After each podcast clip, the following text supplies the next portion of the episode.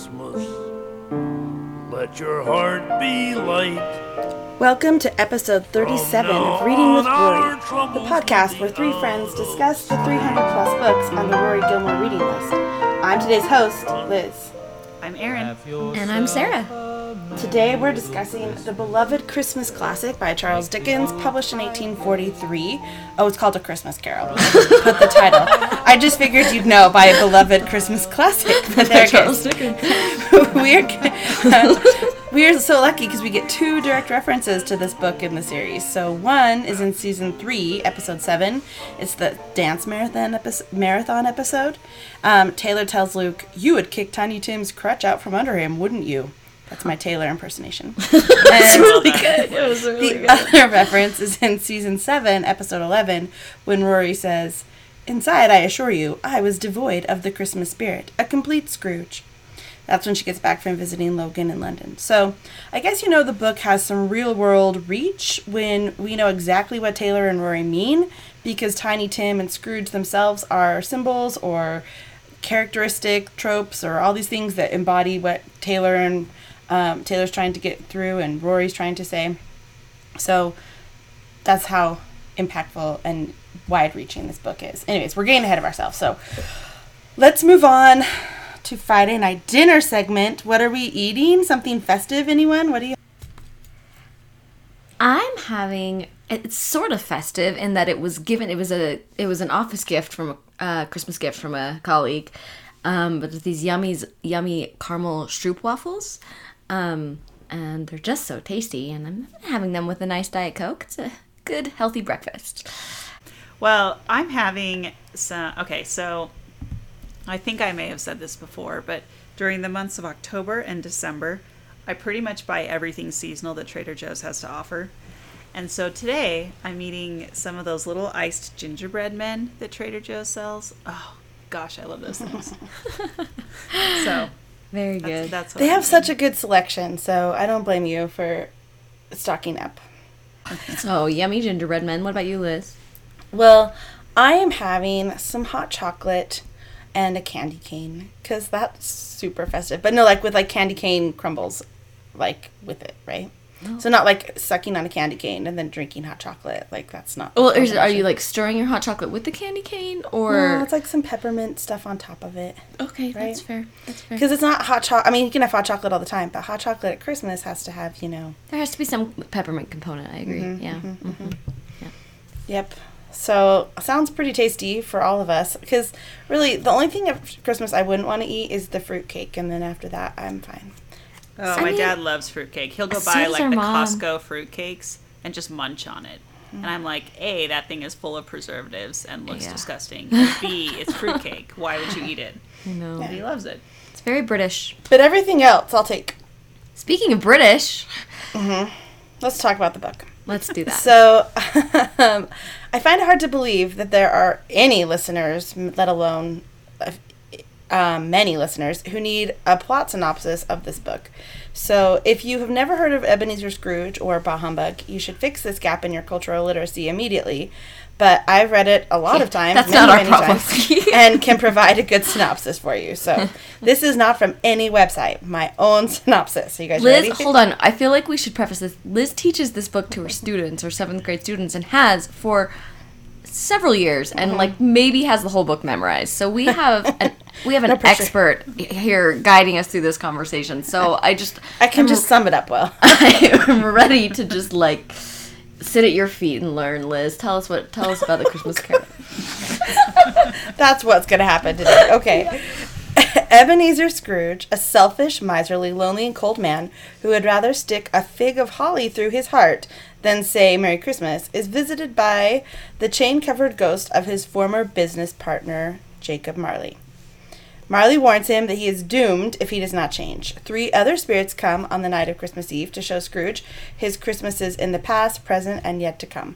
This journey changes Scrooge, and he wakes up on Christmas morning a different man that suddenly gives, laughs, cares about his fellow men, and truly celebrates Christmas. So that's what happens. If you didn't know, it's pretty epic and iconic. So that's, I think it's um, something that even when I started teaching it at school, I'm like, you know, Scrooge. And the kid's like, oh, yeah, because everybody has heard of this or seen something about it or has some reference to it in some way. So even if you didn't know the whole plot, now you do. Um, so since December 19th, 1843, that's when it, the book was published, A Christmas Carol has never been out of print and has been helped to shape the traditions and the way we celebrate Christmas today. So it's, it has its um, definite legacy. Imagine writing a book that shows the world how to celebrate like a whole holiday. Because before this, basically Christmas, for especially in England, was like, I don't know, uh, like a Memorial Day type holiday where it's recognized, but it isn't like the holiday that we not like recognize it today. Yeah. Yeah, I mean, some people recognized it, some people didn't. Some people got a day off, some people didn't, right? So, I mean, it's just not necessarily like the big. It wasn't really that that huge, right? And wasn't it kind of like at the same time with like Prince Albert brought like a lot of German Christmas traditions over Mm-hmm. that it kind of coincided with this, right? Like Christmas trees and things like that. Yeah, yeah, yeah. And I think people had like feasts and celebrations with their family and things like that. That happened, is, but only really if you had a lot of money. And there was the other thing at that time period was there was a huge um, disparity between the haves and the have-nots, so to speak. And so, um, so yeah, that was where Charles Dickens was at the time. So Victorian English Christmas traditions and celebrations involved basically going to church and then, you know, making merry. They had mistletoe, carols, gifts, games, all those things. Even the decorated Christmas tree started to come about in popularity there. Um, but it was just basically considered a time to be kind to others, but it was never really like this time of charitable giving that we kind of know it to be today, right? Where you think of people in need more. So Dickens' vision of Christmas celebrations in this book helped to show people, first of all, how fun it is to celebrate because lots of people didn't necessarily do all those things. And also, um, he had a very um, a very distinct purpose to writing the book, which was to help people recognize the need to help other people and to, you know, Kind of correct some societal ills. That was a big MO of Charles Mm-hmm. he was a social reform Yeah. Crusader. So that's what he wanted to do. So we'll go into that more in detail i think a little bit but i want to um like talk about what we think of the book because to me like knowing the background of it like that it has this like um no, not the background but like the reach it's had the way it's impacted people like the father of christmas basically in some ways. It, clearly people love and um remember this book does that mean we do i don't know let's find I mean, out The, the book is worth worthy of all the. Uh, all or is the it like oh, Christmas Carol? I roll. So let's find out. What do we think, Erin? Where where'd you come down on Christmas Carol? Um, I really, I really liked it. So the first time, so when I read this, um, I- like I've seen, you know, several adaptations of movies. Mm-hmm. You know, I've seen plays. It- Like this is just, it- like you said, this yeah. it's everywhere, right? Everyone knows about Ebenezer Scrooge. Like it's just not um, hard. It, it would be hard to miss the storyline of this story in you know American culture, but I had never really read the actual book, and so when I sat down and read the book, first of all, it's not very long. It's it's quite short, um, and there was so much in it that doesn't really come out in any of the movies. You know, it's a, it, there are very religious undertones, and like a lot of philosophical comment there's a lot of philosophical commentary where it's very clear that Dickens is trying to make a point and he's trying to um like you said Liz you know like he's trying to show people how important it is to be kind to others and the whole idea of sort of an afterlife where you're doomed to make amends for all the things you didn't do for your fellow man while you were alive. Like it's a very interesting Or you can't idea. make amends. or you right you can't make amends. And so you kind of wander in eternity. And that and the that's kind of his definition of being damned right? Like you mm-hmm. you can't ever make amends. You can't ever help anyone again. And it's just a really interesting idea which i'm sure we'll kind of get into as we mm-hmm. as we go. But so i was very impressed reading it like the it's much deeper the story i think is much deeper than what you see in most adaptations and um and a lot of that is because like the the narration you know the commentary as opposed to the script doesn't often make it into you know some sort of visual adaptation. So um, anyway, so I I would give this one I would give this one five stars. I absolutely think that it deserves its place in our cultural heritage and hope it continues to have that place for you know many years to come. Yep, glowing. You align with the world. Good work, Sarah. Where do you fall? I mean, it's not not too different. I love this book. I've read it a few times. I it is because it's so short. It's such an easy read. Um, an easy read in that it's like you can read it quickly. Um, and so I've read it several times. Sometimes just like it's like a part of like a a holiday tradition. I don't necessarily do it every year, but I've read it several times. And um, so for this reread, I actually listened to it because in addition to lots of great like stage adaptations and film and TV, there's also like lots of great audio. Of, um, it like it. I almost think of it as like like a play, like it's to be performed, you know. Anyway, so um, but it's fun to listen to it because you do get that narration while still kind of anyway. So I listened to uh um, this is not any kind of product placement, but I just listened to like uh, an Audible original where they have all these, uh, you know, British thespians um, kind of reading the different parts, and then you have like Derek Jacobi, who's who's Dickens essentially, and it was so good. Oh my gosh, I was listening to it in my office, and I was just crying at the end when. Um, you know, when he wakes up on Christmas morning and he has this chance to start over, and it's so moving. And I love, I mean, I Dickens obviously has a way with words, and I and I love the way it's written and and how vivid the characters are, and just how powerful the story is. Like this idea of being haunted by regret and and getting a chance to start over, and um, and it's just so heartwarming, and you know, I love it. So I'd give it five stars. I'm gonna have to agree because it's so good. So I love. I'm glad that you guys loved it too. Because and you gave awesome, like I think interesting and awesome reasons to like it, like his redemption and just the mes- message all the way through the book that Dickens kind of weaves his own his own kind of you know ideas into very strongly, right? Um, I would agree 100%. I give it 5 stars. I I do read this book every year just because not just because I teach it, but I mean it has become like Christmas tradition.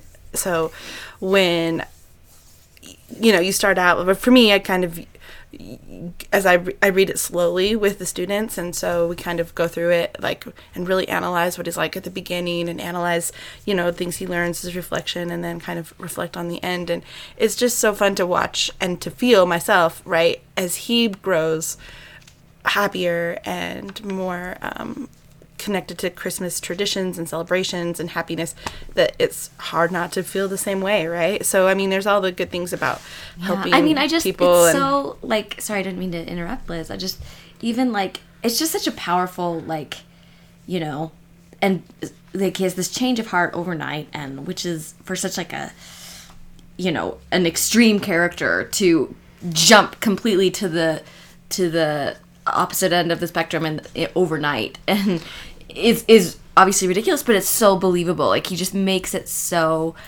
like you you're just so bought in and it's eh, like you're just 100% there when he's just has this total change of heart the next morning and is so anxious to you know go just like be be friendly and like embrace mankind. And it's just oh it's so good.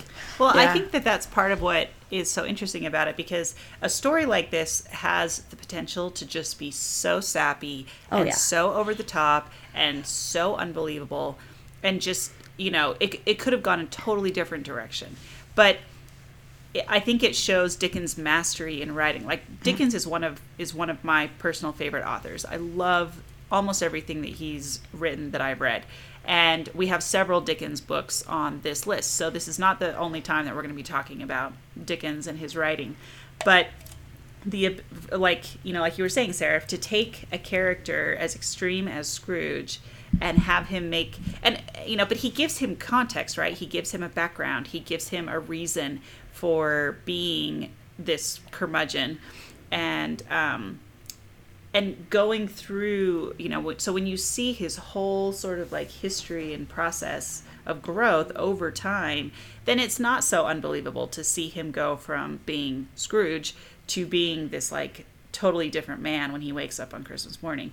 And I don't know, I, like I think it I think just the way he weaves all of that together, he touches on themes that I think are very personal and get at at the heart of what a lot of people both fear and believe.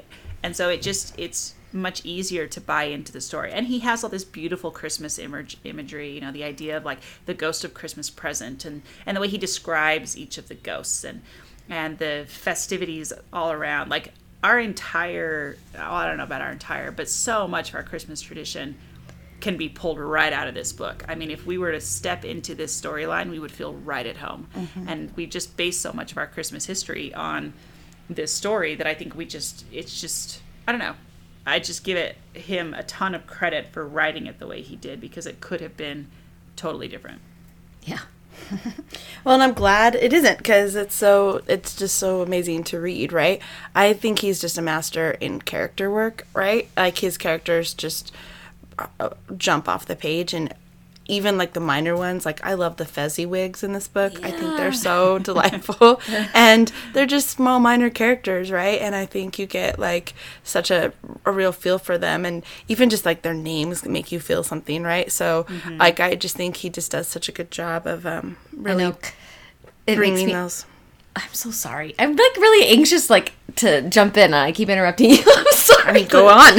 um, well, and this is with a completely nonsensical, stupid observation, but it's um, it just made me think of um, uh, uh, a favorite tweet from this year where someone says, uh, "Me, whoa, it says I can have up to 280 characters in my tweet." Charles Dickens cracks knuckles. All right, I got this, but all 280 of them are going to be orphans. Okay. He just had a way with his characters. That's all. Anyway, I just had to throw that in there. Speaking of characters, got it. Um, I do I- also want to point out real quick that I think this is the second book that we've all given a five. yeah, makes Uh, sense. The only other one was Bel Canto. Yeah, I think you're right. Well, a dubious honor, right? Yes.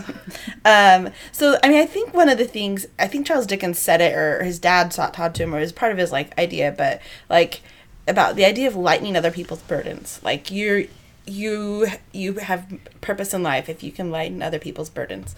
So I think this book illustrates that in every way. So as you see all his characters going through, like the people who have value in the book are the people who can ease other people and help them and like so like I mentioned the Fezziwigs, right? They can lighten burdens by having fun, or the Cratchits, like even give money to other people and try and lighten the burdens of others. But it gives Scrooge this context where he's not doing any of that. So like, what value does he have, right? So that book um, really pointed out to the readers, I think, a social problem that Charles Dickens really wanted to get across. So I read this book a few years ago by Les Standiford. Um, he wrote a book called The Man Who Invented Christmas How Charles Dickens, um, A Christmas Carol, rec- rescued his career and revived our holiday spirits. Um, yep, that is a movie that came out recently with Dan Stevens and Christopher Plummer. Um, but it was based on a book, and it was also, I heard him interview the author on Radio West, so I'll put a link on that because we know we love our Radio West on Oh, we love Radio. West. Shout Yeah. anyway, so um, the the Radio West interview is awesome too. But basically, this is the story that I learned, which has put so much context and meaning into um, the book itself, The Christmas Carol, that I love too. So, Dickens was listening to a lecture in Manchester, and this lecture was basically talking about how the the struggles of society right now are ignorance and want, and they name those two very specifically. And um, coincidentally, I should also mention that um, uh, Andrew Carnegie was, or Carnegie was in the audience too at the same time, and came back to the United States. And you can see some of his legacy has also been trying to, you know, alleviate some of those like struggles Yes, he- as well. He had a great ther- philanthropic Yeah. legacy. Yes. Mhm. And so, I mean, I just think imagine being this lecturer who inspired Charles Dickens and then Andrew Carnegie.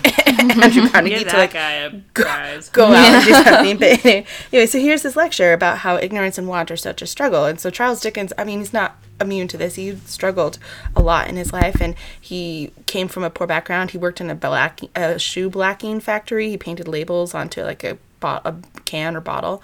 And he had to do that at a young age. He had to get out of school because his dad was in debtor's prison. And so, um, knowing this background, he knows what it's like to struggle and knows what it's like to not get the education you you know could have helped you in a better way right? And so i think the idea of him seeing these struggles and seeing his society around him basically ignoring it or not doing much to deal with it right? Like let's put people in debtor's prison that will solve everything. Or let's you know have the the workhouses or the things that they mention in in christmas carol um, so he was walking home. He's like going through his life, and he also has to write a book because he needs some money, and he's you know himself in some hard times. But he was inspired to write it by doing this and thinking, how can I bring awareness to those who don't have any idea how much people are really like suffering? They don't really realize this disparity between the those who have and those who do not. So he puts this into the book in such a clear way. Like he forces Scrooge to go in and see everyone's like see the Cratchits or see people in prison when the ghost of Christmas present like takes him all around and takes him to like the mines and takes him to a prison and takes him to a lighthouse and just basically points out all these places where people aren't rich but they're happy and that they are I mean essentially just like fellow men, right? So he needs to, he points this out to him and makes it his responsibility to care about those people instead of thinking that they're surplus population, right?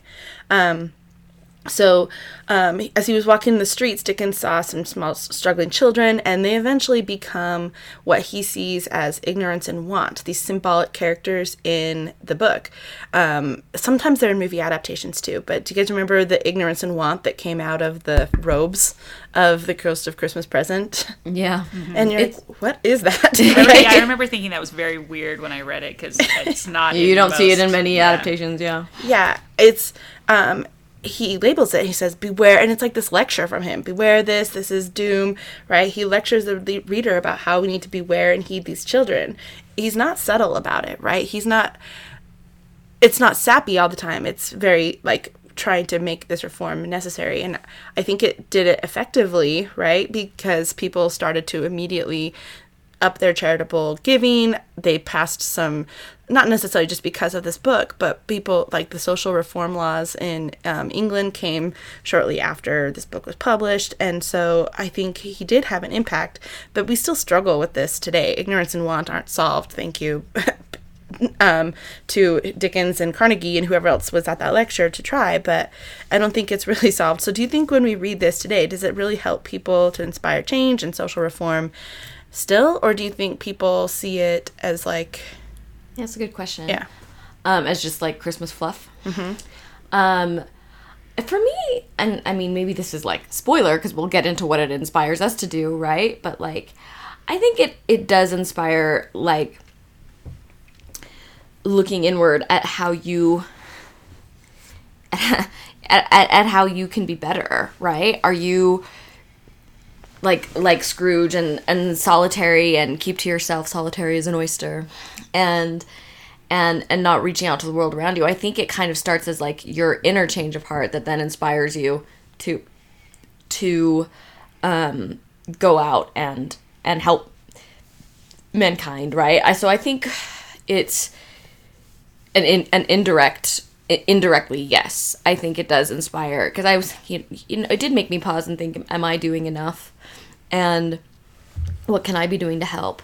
Um but i think the you know the the real thing that happens here is is, is scrooge's change of heart. And so it i think it's about not so much about you know christmas frivolity but as about like again redemption and personal redemption and how we can we can look inward to to alleviate and correct you know our own selfishness and Well, that's what's dooming him is his selfishness, right? Like all those chains are the missed opportunities he had to help. Like on Marley's chain, sorry, I jumped, but his symbolic chain, which is also pretty symbolic, right? Like all these things chained to him are these things he cared about that were not his other, like mankind, and um, that's what you get to like lug around with you in your afterlife. Like it's hard to not think. Ooh, is that really what I want my legacy to be? Right? what am I, yeah what am i carrying what am i going to be carrying I don't know that I agree. Well, I think the problem is that most people don't read this book. I think most people watch a movie or an adaptation of this book. So I think some of the point is missed because it's just lost in translation. So I don't know, mm-hmm. like, on the whole, in terms of this story, I don't know that this story currently inspires people to do what Dickens was trying to get them to do. But I think the people who read the book do probably pause to think about it, or at least, you know, have a better chance of doing so. But I just don't think that most people read the book. Yeah. I think that that's true. Um, I do think there are definitely uh, more effective adaptations than others. We'll get we'll definitely get to that. Oh yeah, we're getting to it. And I Um, don't know that it's just Christmas fluff. Otherwise, I think there's still because, like, Oh, yeah. I think there's always value in the story of you know everyone kind of recognizes redemption the story. whole, like, yeah, it's a redemption story, and they see the, the kind of the process that Scrooge goes through.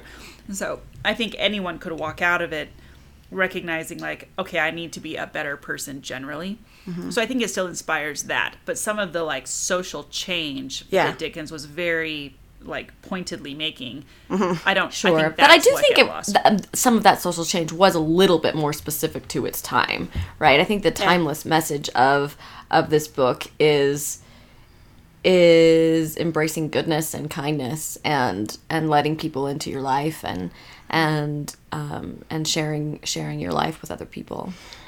That's a good point. That, that makes me think of like the whole journey he goes through because the ghosts don't all necessarily point out and be like, "Here, this is where you could have helped somebody," right? Like they make him reflect on his own life and his own like missed opportunities or his that makes him reflect on his life. Which ghost do you guys think? Well, not most effective, but which ghost? What what did he learn from the ghost that you think would have really um, helped him reflect or change? Like what would cause this change? in his ref- like in those in that journey he took. Like, yeah, what's the? I mean, I do think the Ghost of Christmas Past plays a pretty like key role in like opening his mind because when you get to present i mean he's walking around christmas present that's just the world he's used to right so i think you have to and he he has to kind of be kind of scared straight a little bit by the ghost of christmas past to see what is lacking in the present and Like when he rejected Belle or the fiance. or well, yeah, she more or less rejected him. Actually, she's like, "You've changed, right? Yeah. Like your priorities are not. I don't want to be with you. You don't. You love money more than you love people, and um, Well, I think some of it was con- was having like because I agree with you, Sarah. I think the Ghost of Christmas Past was a crucial element, but I think it was because it it forced Scrooge to confront things that he had buried, and um, Yeah. he would not have been open or receptive to any other message before he confronted those things and Yeah, was reminded of the person that he used to be and saw how far he had come from that person.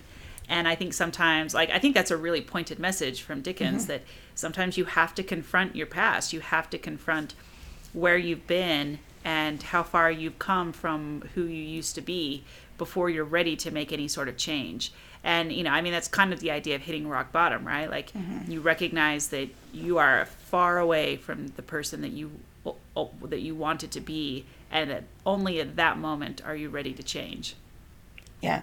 I mean, Marley can lecture him. I mean, he could have, if Marley could have just told him in the first Ghost, right? Like, you need to be a better person, go be a better person, then that whole journey wouldn't have worked. You have to, like, go through the work to. yeah, and even Marley, I think, serves as like a an effective. The in the audio version I read, Marley was super scary. Like, Yeah.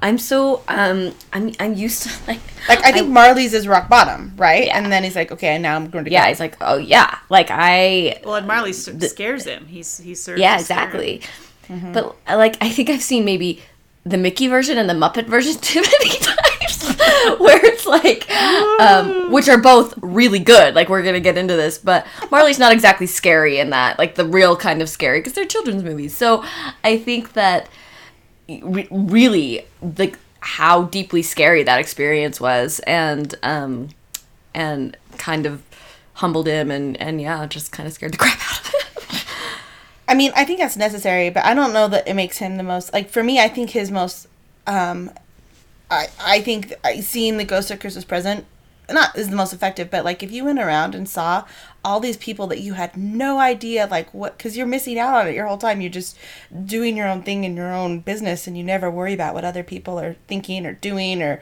Yeah. uh, their own lives. Like he never thinks about other people's lives right? So suddenly you get to see people celebrating and having fun and you're missing out on it. And suddenly you get to see people like the see way people just like uh, ripping on yeah, you, like, like, everyone is laughing. So for me, a big thing in this book is laughter. Right? I see it like he.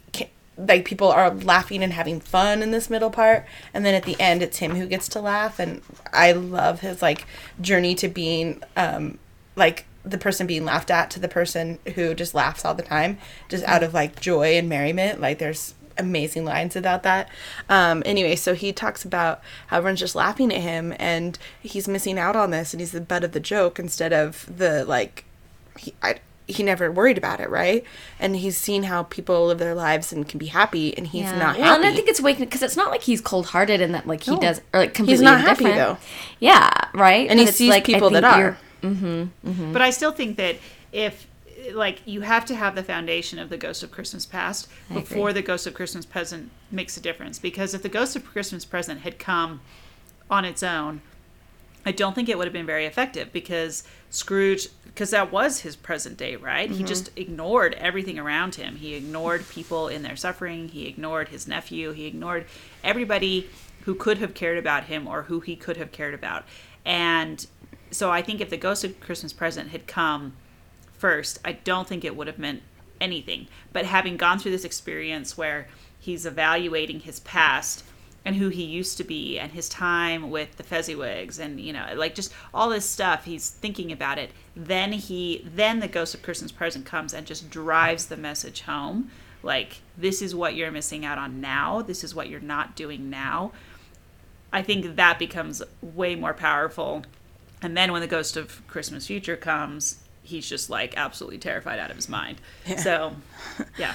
Well, and even the ghosts themselves, like what they look like, and their Yeah. um, like what their uh, appearance, uh, their appearance or their how they communicate, basically, right, is just fascinating. Like I love that the Ghost of Christmas Present. I know it's confusing and they don't show it well in a lot of adaptations. Is like he is Christmas, right, and so he's like, I have eighteen hundred brothers before me, right? Like Yeah. he lives for that one day. He grows older as the day goes on, and it's like he, that part is just kind of like a um i just kind of like how it goes weird like that i just like that the ghosts themselves are just kind of weird anomalies and i love that the ghost of christmas um yet to come is just basically a hand right like just pointing stuff out to him so basically it's scrooge coming to the realizations of for himself without someone narrating what to think right Let's talk about the Ghost of Christmas Past because uh, that's always weirded me out a little bit. Just the form it takes. Like a Is it is it is it like a candle? Is it like a person candle? Is it a ghost? it's a young Like- boy but also an old man it's so weird. often played by a woman with a glowing head. Like, I don't know. Oh, and he's like, put the cap, like put the cap back on, ghost. like, and And then then- too much light coming out of your head. It's weird. like when I read it with students, they're like, "What?" And then he's like, "Touch my robe," and the kids are like, "Don't do it." Well, okay, so just I just want to read a little bit of the description because it's since we're talking about it. Mm-hmm. So he says it was a strange figure, like a child, yet not so like a child as like an old man, viewed through some supernatural medium which gave him the appearance of having receded from view and being diminished to a child's proportions. Its hair, which hung about its neck and down its back, was white as if with age, and yet the face had not a wrinkle in it, and the tenderest bloom was on the skin. The arms were very long and muscular, the hands the same, as if its hold were of uncommon strength. Its legs and feet, most delicately formed, were, like those upper members, bare. It wore a tunic of the purest white, and round its waist was, a, was bound a lustrous belt, the sheen of which was beautiful. It held a branch of fresh green holly in its hand, and in singular contradiction of that wintry emblem, had its dress trimmed with summer flowers. But the strangest thing about it was that from the crown of its head there sprung a bright, clear jet of light, by which all this was visible, and which was doubtless the occasion of its using, in its duller moments, a great ex- extinguisher for a cap, which it now held under its arm. Like, that's just a weird description. It's- mm-hmm. Where did he come up with it? It's so unusual. Mm-hmm. Yeah. Yeah. Well, the idea of like it looks I mean, like a it child. certainly makes you not want to like be like, man. I want to go with that guy. Yeah. Yeah. And was it at that? But maybe point that's when- like your past. It's all Yeah. kind of blurred together that shapes who you are, right? Yeah, I don't know. Yeah, like what is it supposed to symbolize? Is it at that point when the ghost's like, "Come with me," and he's like, uh, "I'm good." Yeah, no, he does. He's like, I think I'm gonna go back to bed. yeah, yeah. it is at that point. That is a good point. Um, well, I think there's so many good lines like that. That's a good passage you pulled out. Were there any? I mean, were there any other passages or lines that the ghost say, or that Scrooge says, or that Dickens himself says that you that you guys held on to that really impacted you or sh- shaped the reading for you? Um, I love Dickens's description of Scrooge in the beginning. Right? I mean, it's. I mean, it's iconic. I think that a lot of people, uh, you know, just just kind of know it. But um, I love it. Oh, but he was a tight-fisted hand at the grindstone screw, just squeezing, wrenching, grasping, scraping, clutching, covetous old sinner, hard and sharp as flint, from which no steel had struck out generous fire. I love that. Secret and self-contained and solitary as an oyster. I like it says that bad weather wouldn't have him. I love I love the stuff that Marley says because I think that the whole dialogue between Scrooge and Marley I think is just really really interesting and when Scrooge is you know he's like you know why are you here and and he says you know why do spirits walk the earth and why do they come to me um, and then Marley says, It is required of every man that the spirit within him should walk abroad among his fellow men, and travel far and wide. And if that spirit goes not forth in life, it is condemned to do so after death. It is doomed to wander through the world, oh woe is me, and witness what it cannot share, but might have shared on earth and turned to happiness. And then he goes on and, and you know, Scrooge is like, Well, you know, what are what are the chains? And Marley says, I wear the chain I forged in life. I made it link by link and yard by yard. I girded it of my own free will, and of my free will I wore it. Is uh, is its pattern strange to you? And uh, like it just it, you know they go through and talk about and like Marley. I feel like that's where so much of Scrooge's like I'm gonna make a point is contained because he's just talking about you know like the the fact that he's doomed to walk through life and you know he traveling and blah blah blah and he's captive and um, you know he can't serve his fellow man and he's trying to warn Scrooge of what his life could become if he's not careful. I just think it's really yeah, it's such a scary image, right? Like it's such a warning, you know. This is this is my life and this is going to be you know, this is this is what I'm doomed to and this is what you'll be doomed to as well and Yeah. I mean, and like this yeah, part, so I think this is like my favorite section of the whole thing where, um, you know, Scrooge says, "But you were always a good man of business, Jacob." And then Jake, and then Jacob Marley says, "Business, mankind was my business. The common welfare was my business. Charity, mercy, forbearance, and benevolence were all my business. The dealings of my trade were but a drop of water in the comprehensive ocean of my business." And I love that. I just Yeah. love that. You know, he's like, "Mankind was my business," and I, it's just so well written. It's so well written. Yeah. Well, and it's because it's not like Scrooge is an evil person, right? Like as a character, he has all those characters, all those things. Well, I know well, we're all sinners, so that doesn't make us evil. Well, I was gonna say, like, I mean, that whole description that Sarah read, right? Like, paints him as a cold person that people avoided, but it wasn't like he was just like out kicking puppies. You know what I'm saying? Like, I mean, he he definitely he definitely was a you know not a nice guy, but it was also clear that like he wasn't just being in being a good businessman wasn't gonna like do him much right? Like that's not where your salvation lies right? So marley's whole speech right there is very telling and it's like making mankind your business. Like what does that mean right? Like mm-hmm. what should scrooge be doing instead right? Like what is he not doing that would make him a better person that wouldn't doom him to carry this chain around? So yeah. I even do think the detail that runs throughout of like how he won't allow Cratchit to like be warm, like use enough coal to to heat their counting house. yeah and and he's so you know he's so chintzy that he can't even allow that and poor cratchit's just freezing and you know he's kind of convinced himself like that how much he doesn't feel it. You know what I mean? It's just what does it say? Darkness was cheap, Yeah. Uh-huh. and Well, yeah, because he Um, goes he goes home and he doesn't ever turn on any lights. He doesn't, Yeah. you know, Eats gruel. yeah. yeah. So, I mean, he it does sound like a pretty miserable existence for him, right? But then you see Cratchit. That contrast with Cratch- Cratchit is pretty strong, right? And I mean, the character of Tiny Tim is definitely a a good manipulative rhetorical device for um for Dickens to use. Um, to convince pretty people. manipulative, but come on, here is. Oh no! But, like this is who you're talking about. Like I mean, they they settled it. It's not settled. They say this is who you're saying is surplus population. This kid right here. Like Yeah. this is who you're saying that to. And this you said like they he throws those words back in his face, right? yeah. So I love how the Ghost of Christmas Present does that. It's so Oh, yeah. effective. Are, are there no prisons? Are there no workhouses? like Scrooge is like, oh. Right. So I mean, that's what I think it does mean to make mankind your business. To worry about like what's going to happen to this little kid who doesn't have a business and isn't going to profit you in any way, but just be.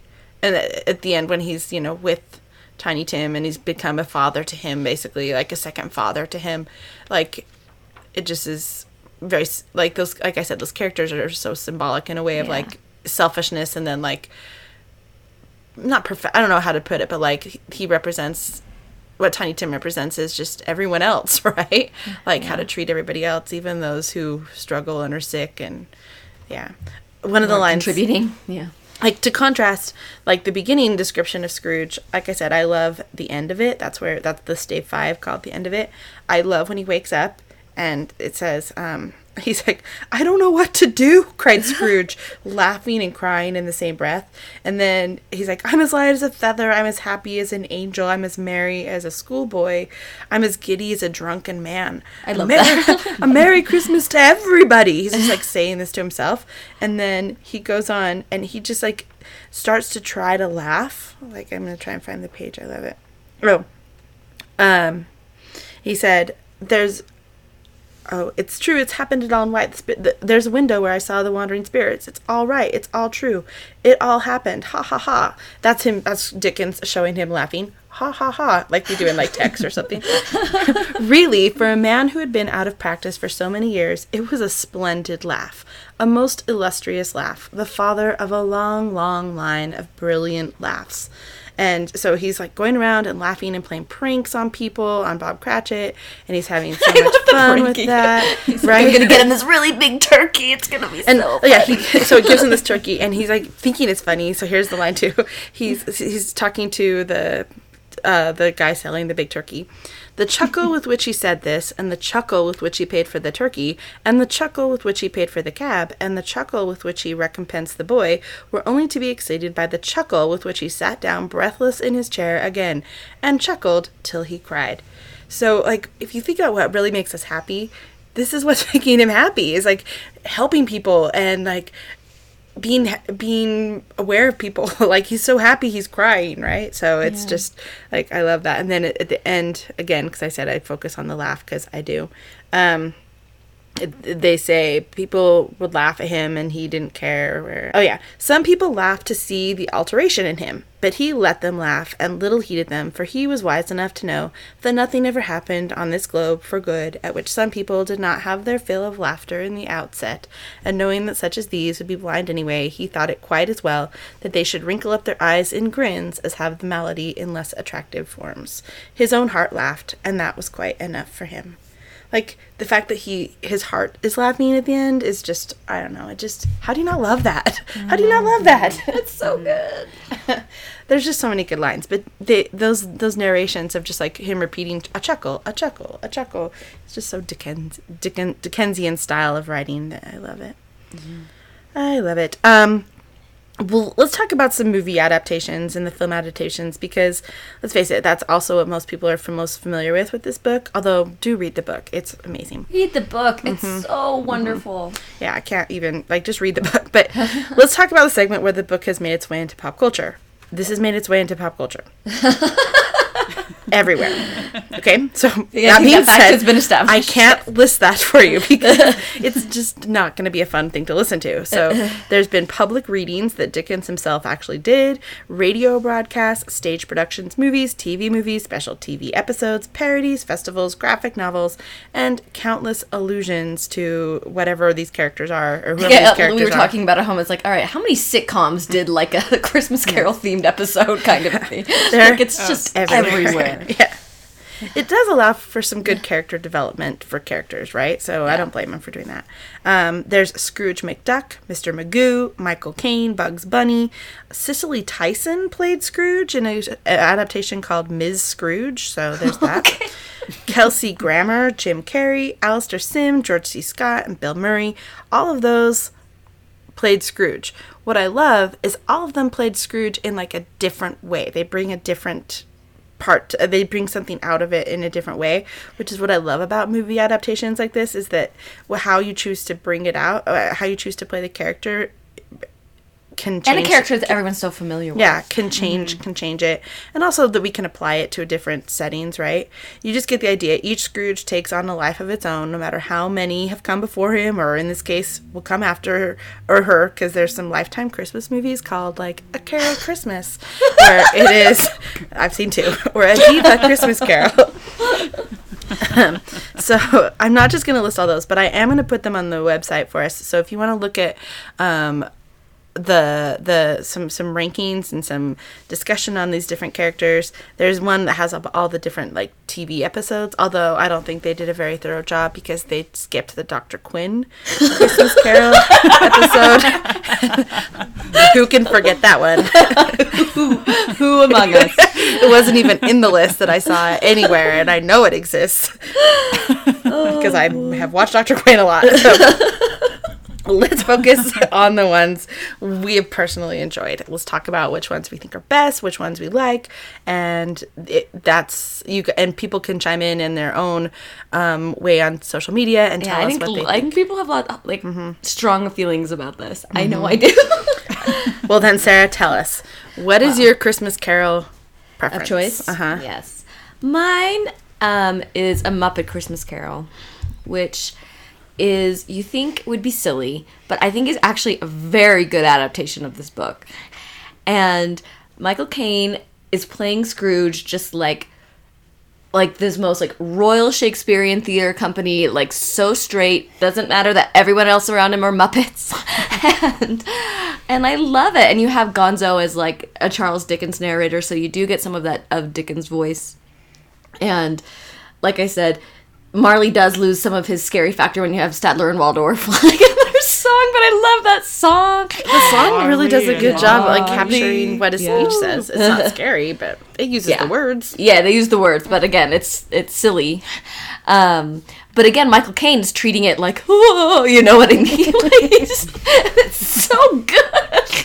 And him at the end, like you do just see this change of heart, and I love love that movie. That was also fun fact. This is the first uh, Muppet production that they did without Jim Henson. It was right after Jim Henson died, and I think it was kind of like had this like somber like anyway, I've, I've read a lot about it, and I just think it has this kind of like special place um, as far as Christmas Carol adaptations go, and for people who like the Muppets, which I do. So I enjoy the Muppets. I also, growing up, watched um, Mickey's Christmas Carol a lot. Like we had this VHS of it when I was little, and I watched it so many times that you know I can still hear Scrooge McDuck like cackling as he's trying to like trick, you know, at the end after he's had his change of heart. So I and I actually think that's a pretty decent adaptation as well as far as you know communicating some of those themes. But uh, so I I do I I like the ones that I experienced as a child. They've stuck with me. Your nostalgia factor.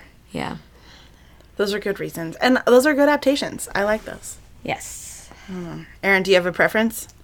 Um, well, yeah. So Sarah stole my thunder, but I was totally gonna go with him up. Go with Muppet. Agree with it. Let's agree. yeah. Tell why. Yay! I'm no. so happy. I mean, I I honestly will say, like hands down, I think that is the best adaptation. Totally, yeah. They just, I mean, yes, it's Muppets, so yes, it's a little bit, you know, silly and, and a little bit more lighthearted, but they cover some like really deep ground with it too. And I think they do a good job with the Ghost of Christmas Present because they do show him getting older and kind of like reaching the end of his kind of lifetime. So I think they actually do a good job with that. Um, interpretation and yeah michael caine is just phenomenal and who doesn't love the idea of um of kermit the frog as bob cratchit i mean I know. come on I know, and I love that all the his kids, like the girls are pigs and the boys are frogs. I know, right? and little teeny tiny Tim.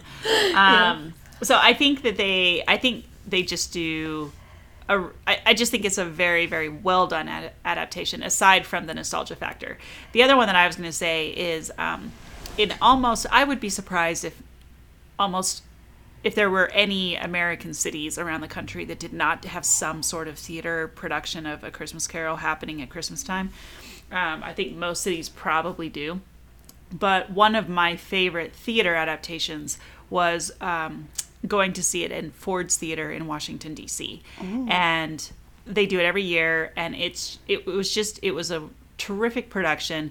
And they decorate the theater. They put garlands all over the balconies, and you know all sorts of things. And so you're in this very historic theater.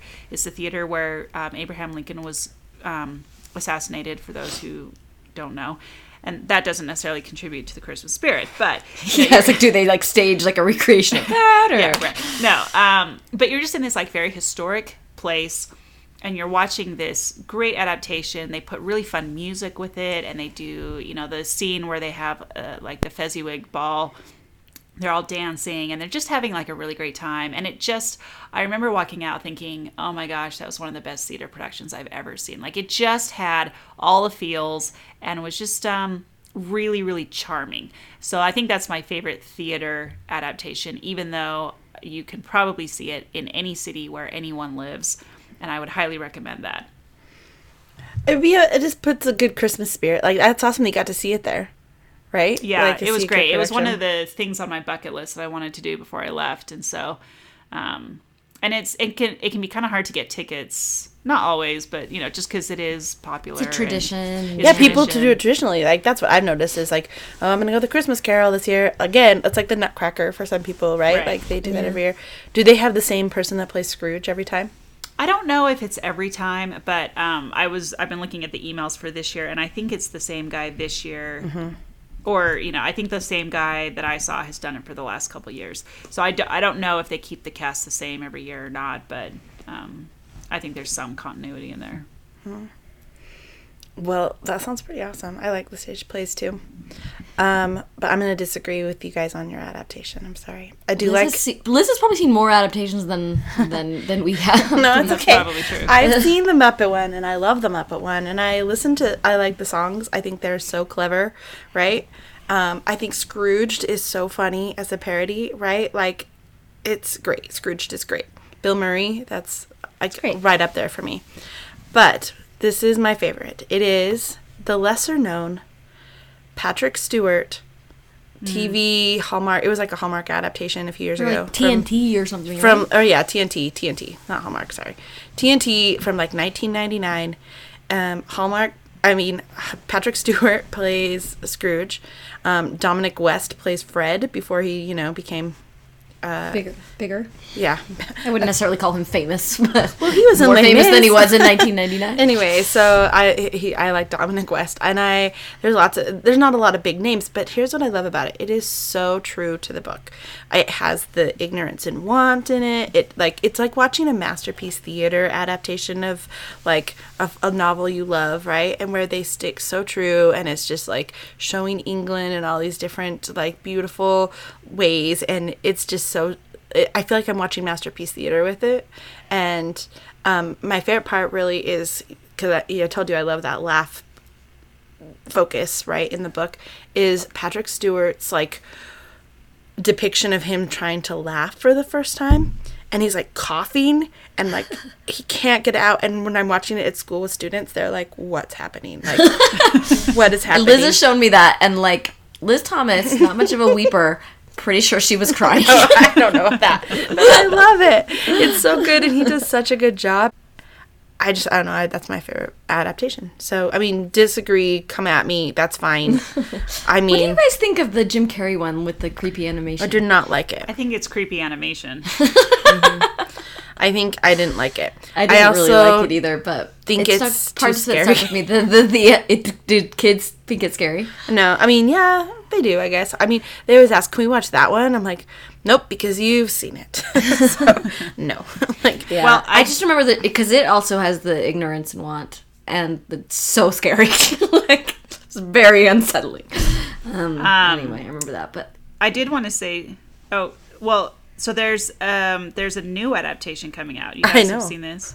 the Yeah. gritty FX version. yeah, what we were like. Is this like like Gritty like version. the sexy hard version? Well, it's on FX, and I don't know. It just kind of looks If like, the like one you're thinking of. I don't know which one you're thinking well, of. it, the one with uh, so Guy Pearce Yep. plays Ebenezer Scrooge. Yeah. And I mean, I I don't know much about it, but it's supposed to air um, on the nineteenth. nineteenth, I think, for like the publication. Yeah, Yeah, I was looking at that. It's going to be on FX. It's a three part miniseries, which this book does not need a three part miniseries. So something tells me that it is taking some liberties. But I'm, I'm excited. Like I'm excited to check it out, but like just the nature of like the gritty reboot, like I just kind of seeing it trying to be like a gritty reboot of a Christmas Carol, which makes me laugh super hard. and Guy Pearce, he could do a good job. I'm not doubting that. I'm just like, okay, sure. I mean, yeah, I mean at the same I time, bet it it's could be the- good because maybe it's a ghost story and it's I dark. mean, it's a power. It's a powerful story, and like obviously is ripe for reinterpretation by all these different adaptations. I don't know, but Well, they do. I think they are taking some liberties because there's a kid in here who plays Scrooge's daughter. I'm like, I didn't think no, this. no daughter. no, no, that's not- I, I have I have notes already. I'm concerned. Dude is alone. Like, that's the whole like, point. I'm- yeah, right. That's the entire point. So, oh, and Andy uh-huh. Serkis is playing the ghost. like of he is Past. expressly like sees like when he sees Belle's daughter and he's like, oh, I could have had a daughter, and he's all sad, yeah. right? Like uh-huh. you can't, give him a daughter, otherwise, yeah. Well, maybe Belle got pregnant. gritty it's reboot, gritty reboot. Scrooge's daughter and not Belle's daughter. not just Belle's daughter. Ooh, I'm, I'm trying to imagine other. Um, never mind. Yep, yep. Let's not go there. Let's not go there. um, there are so many different versions, though. Like I remember TV episodes too that would do special episodes that would be like using it as a way to like frame like to do something at Christmas, but also show like some depth to the characters too. Like I know we've talked about family ties in the past here, but there was a good family ties one when I was growing up that I remember. There's been Jetsons, Smurfs, apparently a Beavis and Butthead. I didn't watch a ton of those, but the, that's there's a Christmas Carol version of that. So, um, I guess it's not hard to find. Like, turn the TV on, you'll find one. now that we've finished the book, this is an inspiring book. So, what did it inspire us all to do? Erin, lead us out here. What did it inspire you to do? Inspire well, you I to do? think I think for me, a lot of it is just being kinder as a person. Um, you know, the whole reason for the season and just being a better person. So that's a lot of what it inspires me to do. And I sound like a freaking broken record on this, but I just um, well, first of all, I want to decorate my house like a Victorian England Christmas house. So there's that. Um, and then I just I just want to be able to write like Dickens or to write something you know incredible like this. So I don't know. At some point, I'll stop talking about writing and maybe actually try to write something. But you know, it that's just always there. Do it. Um, Sarah, what about you? That's a good one. I, I like the one to write, Erin, by the way. I think that's a good goal. Um, for me, I mean, I do think, I mean, I was legitimately inspired to be like, you know, some self reflection and how can I be a better person and, and, um, and that. But also, I just need, you need to incorporate some more like Dickensian games into your Christmas celebrations, I feel like. Like, it's a little blind man's buff, and which I always thought was blind man's bluff, but it's blind man's buff, which is weird.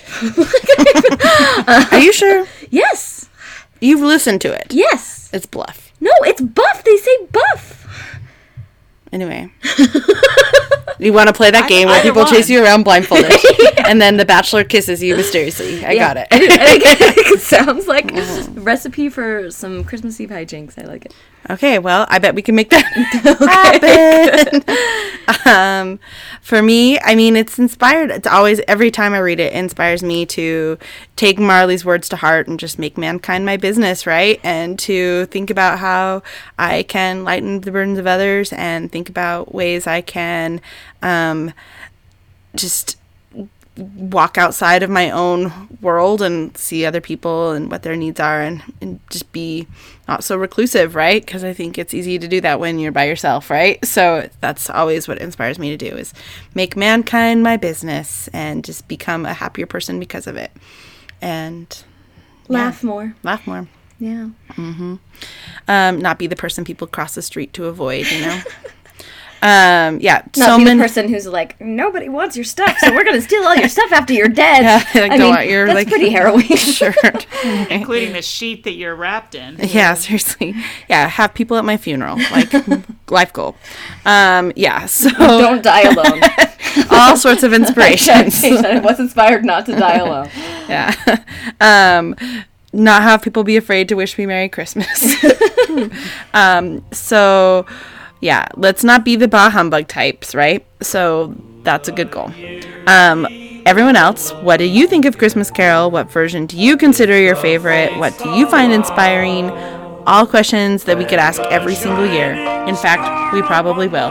So come find us on Twitter, Instagram, and Facebook at Reading with Rory, or join the conversation on our website at reading readingwithrory, readingwithrory.com. Also, don't forget us to don't forget to leave us a review tell us how we're doing. Next time on Reading with Rory, we're going to be reading Catcher in the Rye. So thanks for listening and reading along with us. Merry Christmas. God bless us, everyone. God bless us, everyone.